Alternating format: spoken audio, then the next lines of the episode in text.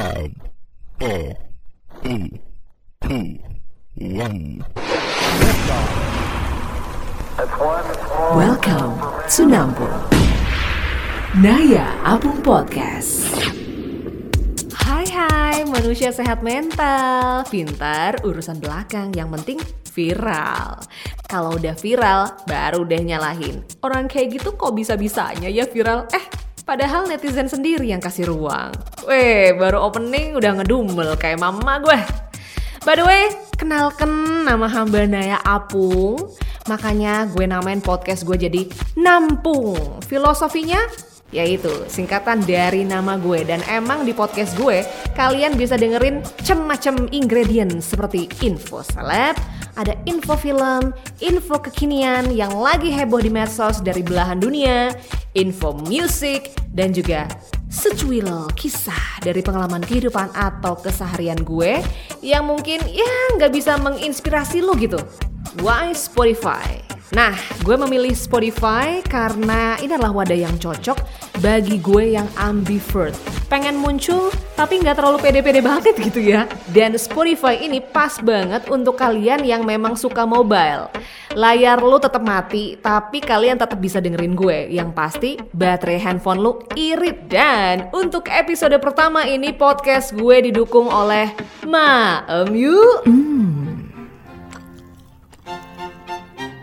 Endonya nasi betutu. Satu hanya sepuluh ribu. Hayo, jangan ragu. Pesen aja dulu di Maem yuk. Maem yuk, mengatasi lapar tanpa jual ginjal.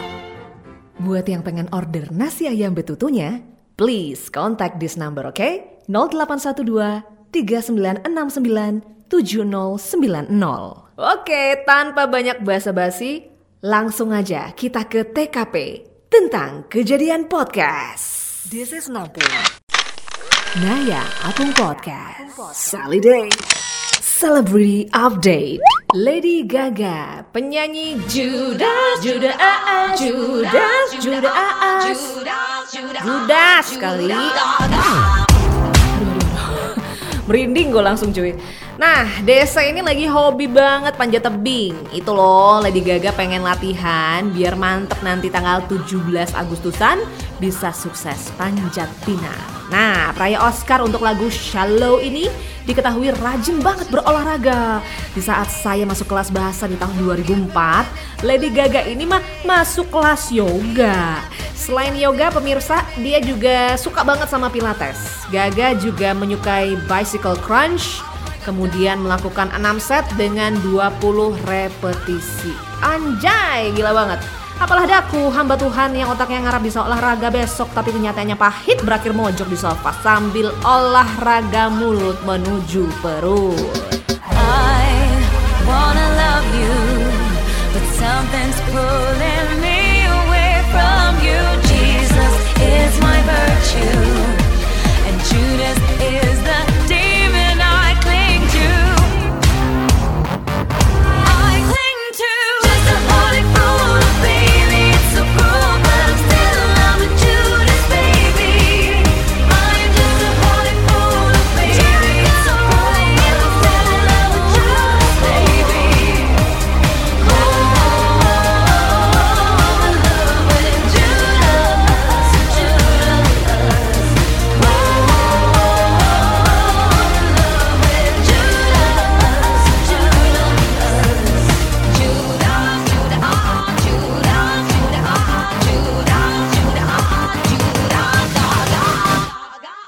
Apung, Naya Apung Podcast. Fill me in. You haven't seen anything yet.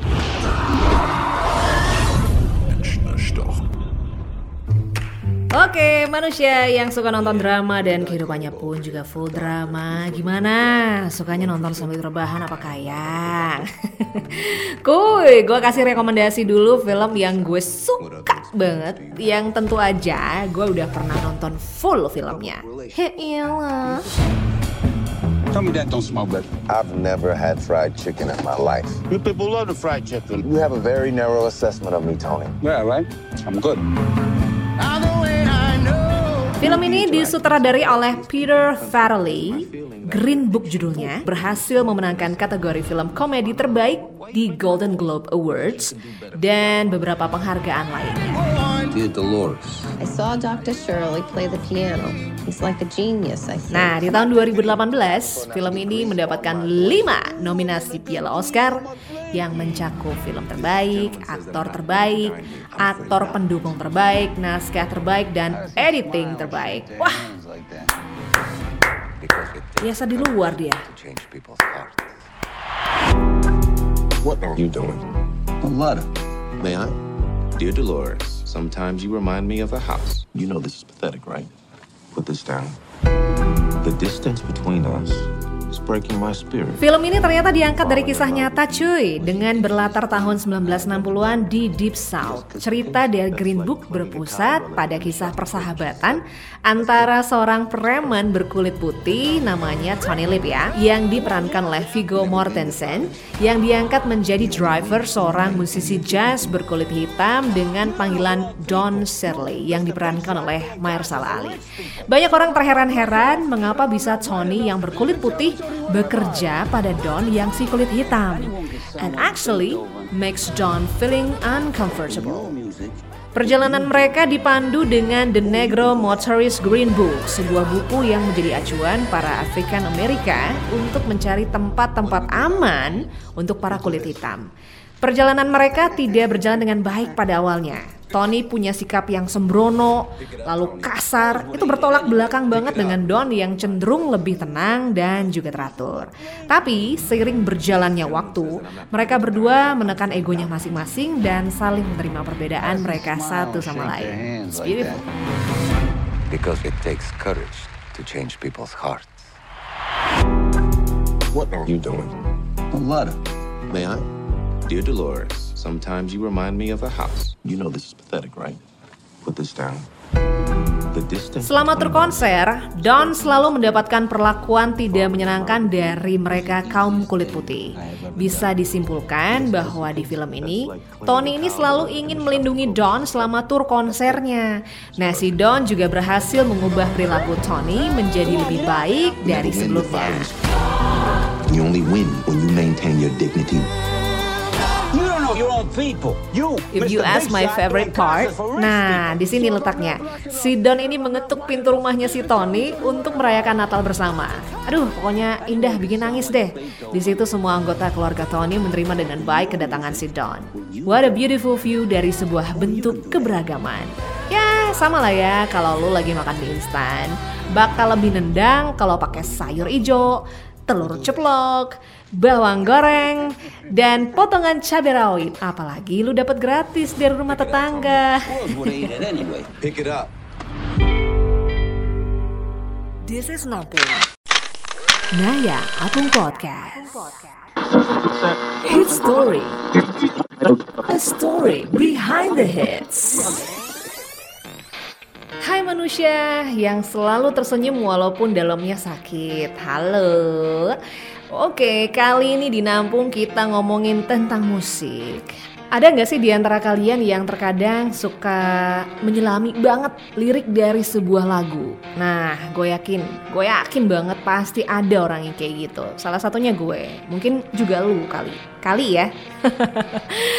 nah, para musisi juga pastinya nyiptain lagu itu ada kisah di baliknya. The first time in my podcast. This is it. It starts with one thing. I don't know why. It doesn't even matter how hard you try. Keep that in mind. I designed this rhyme to explain in due time. All I know, time is a valuable thing.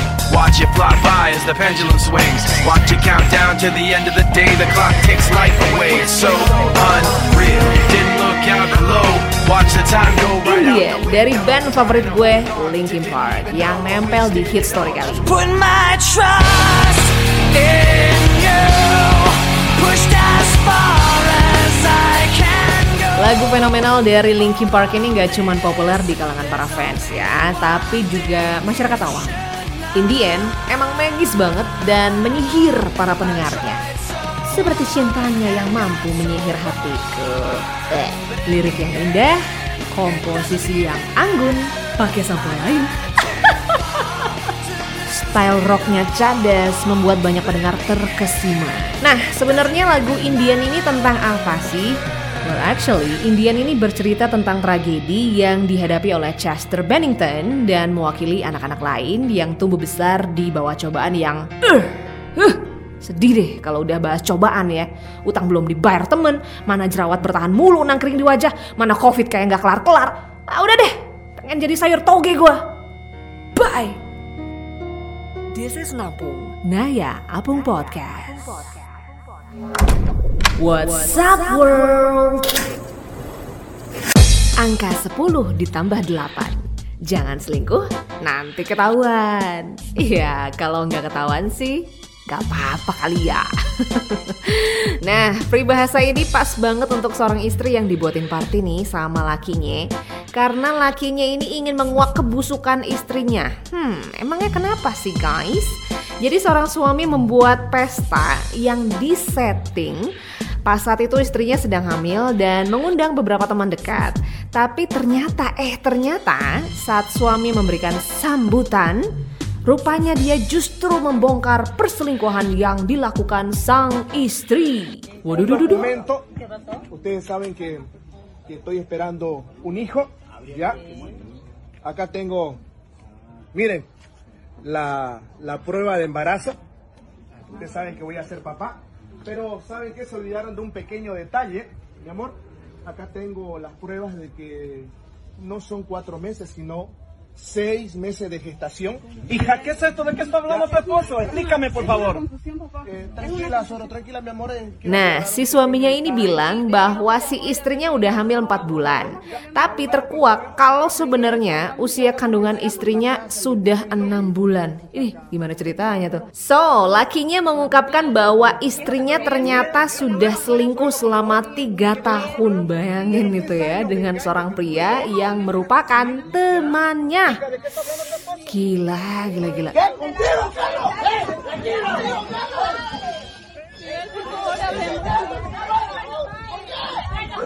Jadi pria selingkuhan itu bahkan hadir di pesta pernikahan itu.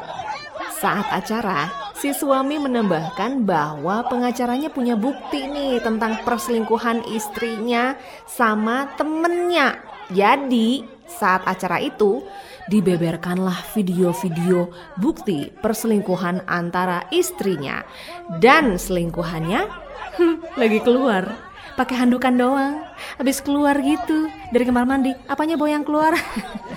Ya keluar gitu dari kamar mandi.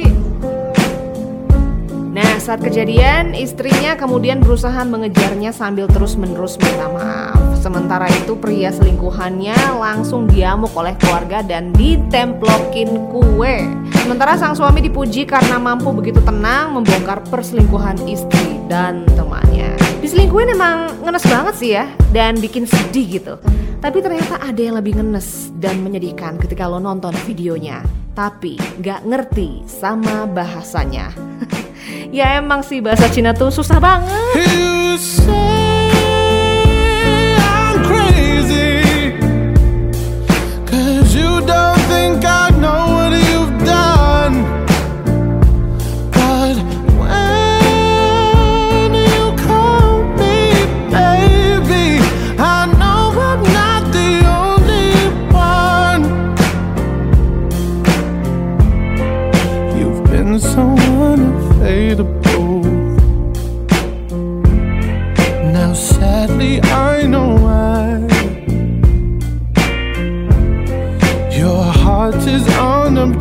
in the.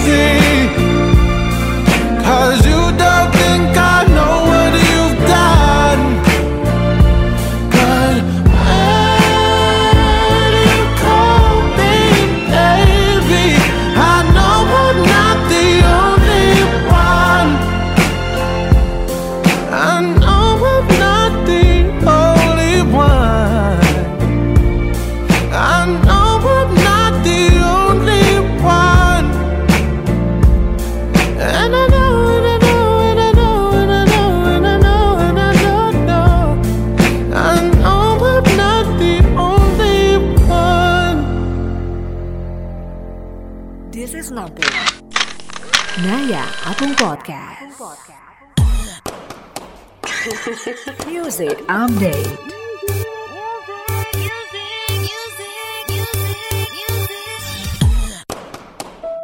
Ada yang seru nih dari band Evanescence yang akhirnya membatalkan gugatan hukum mereka ke sesama musisi rock. Bring Me The Horizon.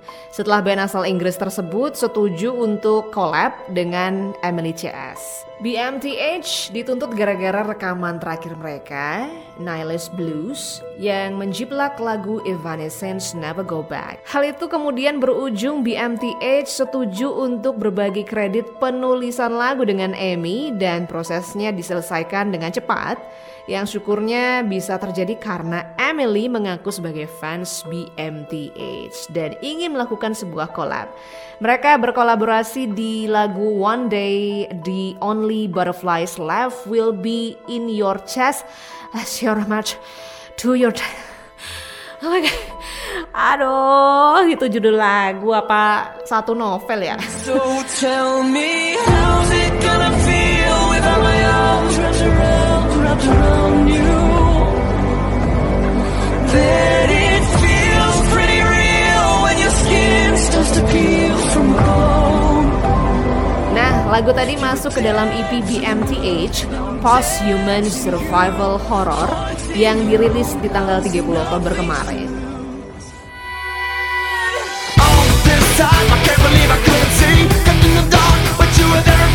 Judul yang pas dari drama tadi adalah Dari Gugatan Menuju Duetan. Nah ini sakingan Emily terlalu ngefans kali ya, jadi gampang luluhnya. Coba aja Emily lagi datang bulan. Lain cerita tuh. Wake me up, wake me up,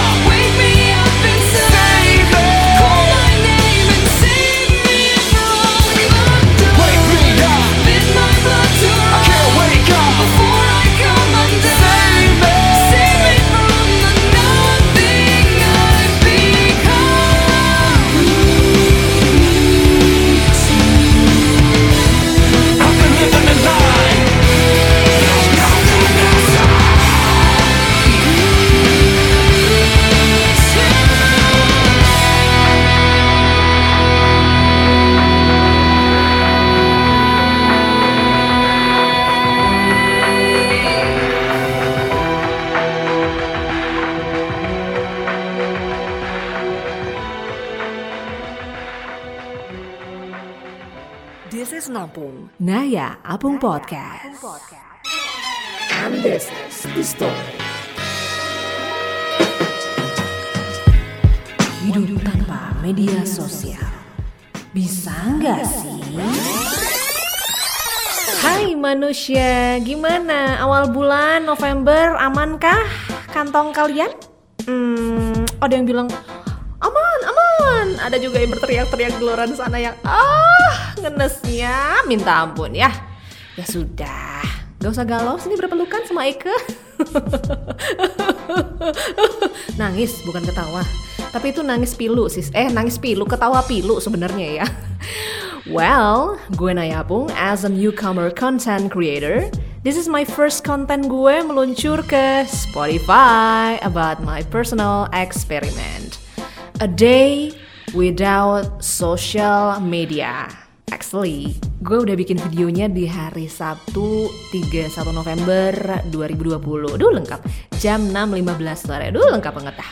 Tapi fail gara-gara terdistract oleh suara hujan yang gengges abis ya. So, that is why gue ribut hari ini tanpa mengurangi makna dari konten ini. Nah, puasa medsos. Gue mulai eksperimen tanpa medsos ini start dari baru bangun banget. Biasanya kan kalau baru bangun suka langsung nyalain paket data tuh ya, atau enggak wifi kan ya. Nah ini sekarang nggak gue lakuin. Jadi paket data serta eh, si wifi-nya itu non aktif, tapi handphone tetap dalam posisi on. Jadi jika misalkan ada temen atau keluarga yang urgent, nah bisa tuh telepon ke GSM. Tapi nyatanya tidak ada pemirsi. Karena kenapa? Iyalah, karena itu orang zaman sekarang rata-rata pasti kontak kita by medsos kita. You name it lah, WA, DM, Messenger, dan lain-lain. Banyak banget dah pokoknya. Paling nggak sisa pulsa yang nggak seberapa untuk kebutuhan yang bener-bener urgent banget. Bisa dipakai nelpon ke GSM tuh ya. Jadi people sekarang ini beli pulsa ya untuk kebutuhan paket data. Ya nggak sih? Setuju nggak? Setuju ya. Kalau nggak, nggak gua apa-apain juga, keles. Ya paling nggak sisa pulsa yang awalnya kita gunakan untuk beli paket data, sisa-sisanya itu kita biasanya suka pakein untuk uh, nelponin orang ke GSM-nya kalau misalkan urgent gitu. SMS menangis mendengarkan konten gue. Ku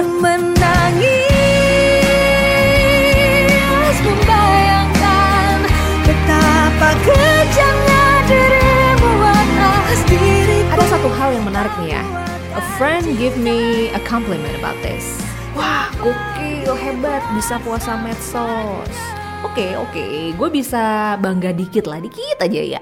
Karena selebihnya ini pure gue lakukan dari keinginan hati yang sangat terdistract dengan hingar-bingar jaga dunia maya, coy.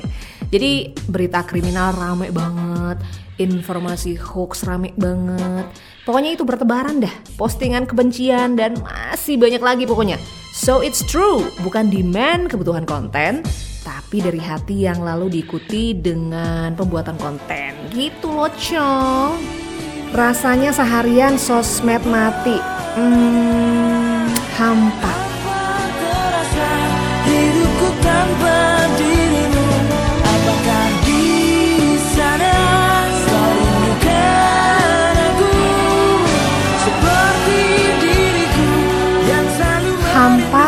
Dunia seperti hambar, bukan ambiar ya. Tapi kalau flashback nih ya masa lalu, rasanya kita bye-bye aja tuh ya, nggak ada sosmed, ya nggak? Nah, karena behavior yang terus-menerus menjadi habit inilah, membuat sebuah rasa sepi tanpa medsos. Oke, gue nggak muna lah ya. Jadi nggak bisa gibahan sama sahabat deket, jadi nggak bisa upload story di IG, and so on lah. Tapi, tapinya kapital ya. Tanpa medsos, kerjaan sehari-hari kita jadi nggak terdistract dengan kebutuhan instastory. Misal nih ya, kita lagi ngelakuin apa gitu. Misalkan aja kita lagi kerja nih. Lalu kayak pengen satu dunia tahu bahwa sekarang kita lagi kerja, sambil ditemani musik klasik, sambil ditemani kopi latte dan juga coklat cake misalkan. Eh, atau kita lagi pengen pergi jalan-jalan, tiba-tiba tangan pasti gatel banget tuh ya. Langsung update posisi lagi di mana, sama siapa, dan lagi makan apa. Biasanya sih cewek-cewek tuh yang suka banget ngelakuin hal itu. Tapi nggak menutup kemungkinan cowok juga iya ya. So, gue lebih fokus dengan dunia gue, dengan apa yang gue kerjain. Lebih bisa memberikan break time ke pikiran gue supaya ya sekali emang perlu kok yang kayak gini dilakukan. Kalau emang udah ngerasa jenuh banget, kayak muak gitu ya. Well, ya yeah, better off. Take it off now, boy. Take it off now, boy. I wanna see inside. Would you let me see beneath your beautiful tonight? Tapi ngomong-ngomong, hal kayak gini yang gue puasa medsos, bahkan puasa smartphone, jadi HP mati total tuh coy. Udah pernah gue lakuin sebelumnya, tiga hari tanpa smartphone. Gara-gara HP rusak dan harus nginep bo di tukang tambal HP. Dan ini happen di tahun 2017-an. Nah, beberapa pekan yang lalu, seharian tuh HP gue mati. Plek, total 24 jam. My life still okay of course ya, tapi tetap aja hampa. Ngomongin masa tanpa medsos. Yuk kita balik ke masa gue SD, kemudian SMP, SMA tahun 2006 gue tamat SMA. And all good. Cari informasi tentang gebetan itu loh ya.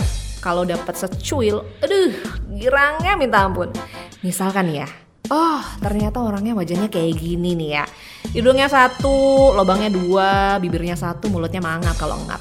Karena ya gue ngalamin itu Kenalan sama gebetan gue yang which is jauh terpisahkan pulau Tanpa ada campur tangan medsos Jadinya tuh kayak uh precious banget saat foto gebetan ada di genggaman tangan Oh jadi ini orangnya Aduh ganteng juga. Ngobrol berjam-jam by phone Misalkan miskol-miskolan Ya noranya zaman kemarin itu ya kayak gitu. Entah ada yang kayak gue nggak ya? I don't know. Nah kalau sekarang tahu suka sama seseorang nih ya Atau nggak seleb Kita bisa dengan mudahnya mencari apa makanan favorit dia.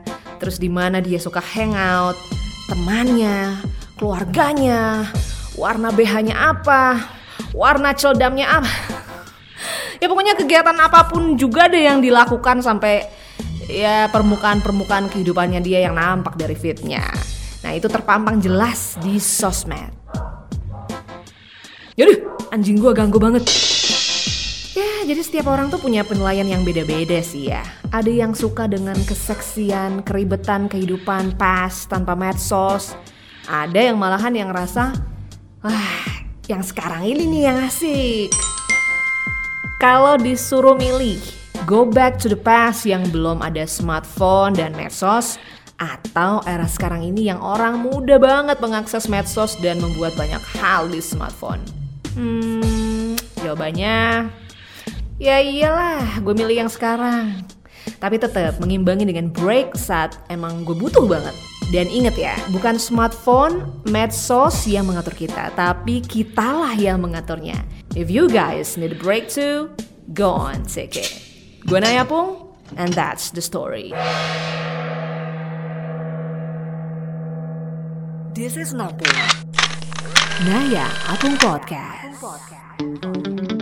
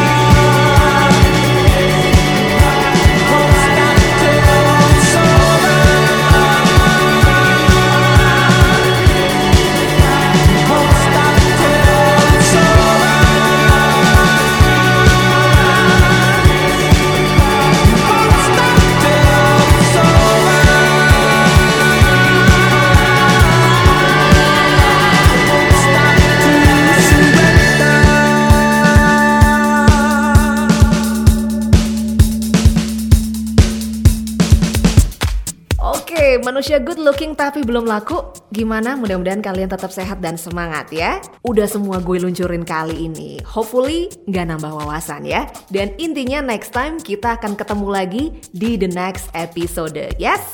Emangnya cuma tersanjung yang boleh punya episode banyak. Salam bahagia untuk semua manusia yang dengerin. Akhir kata, bucin boleh, bego jangan. See ya. Thank you for listening my podcast. See you next time, baby. Kiss, kiss. Mwah.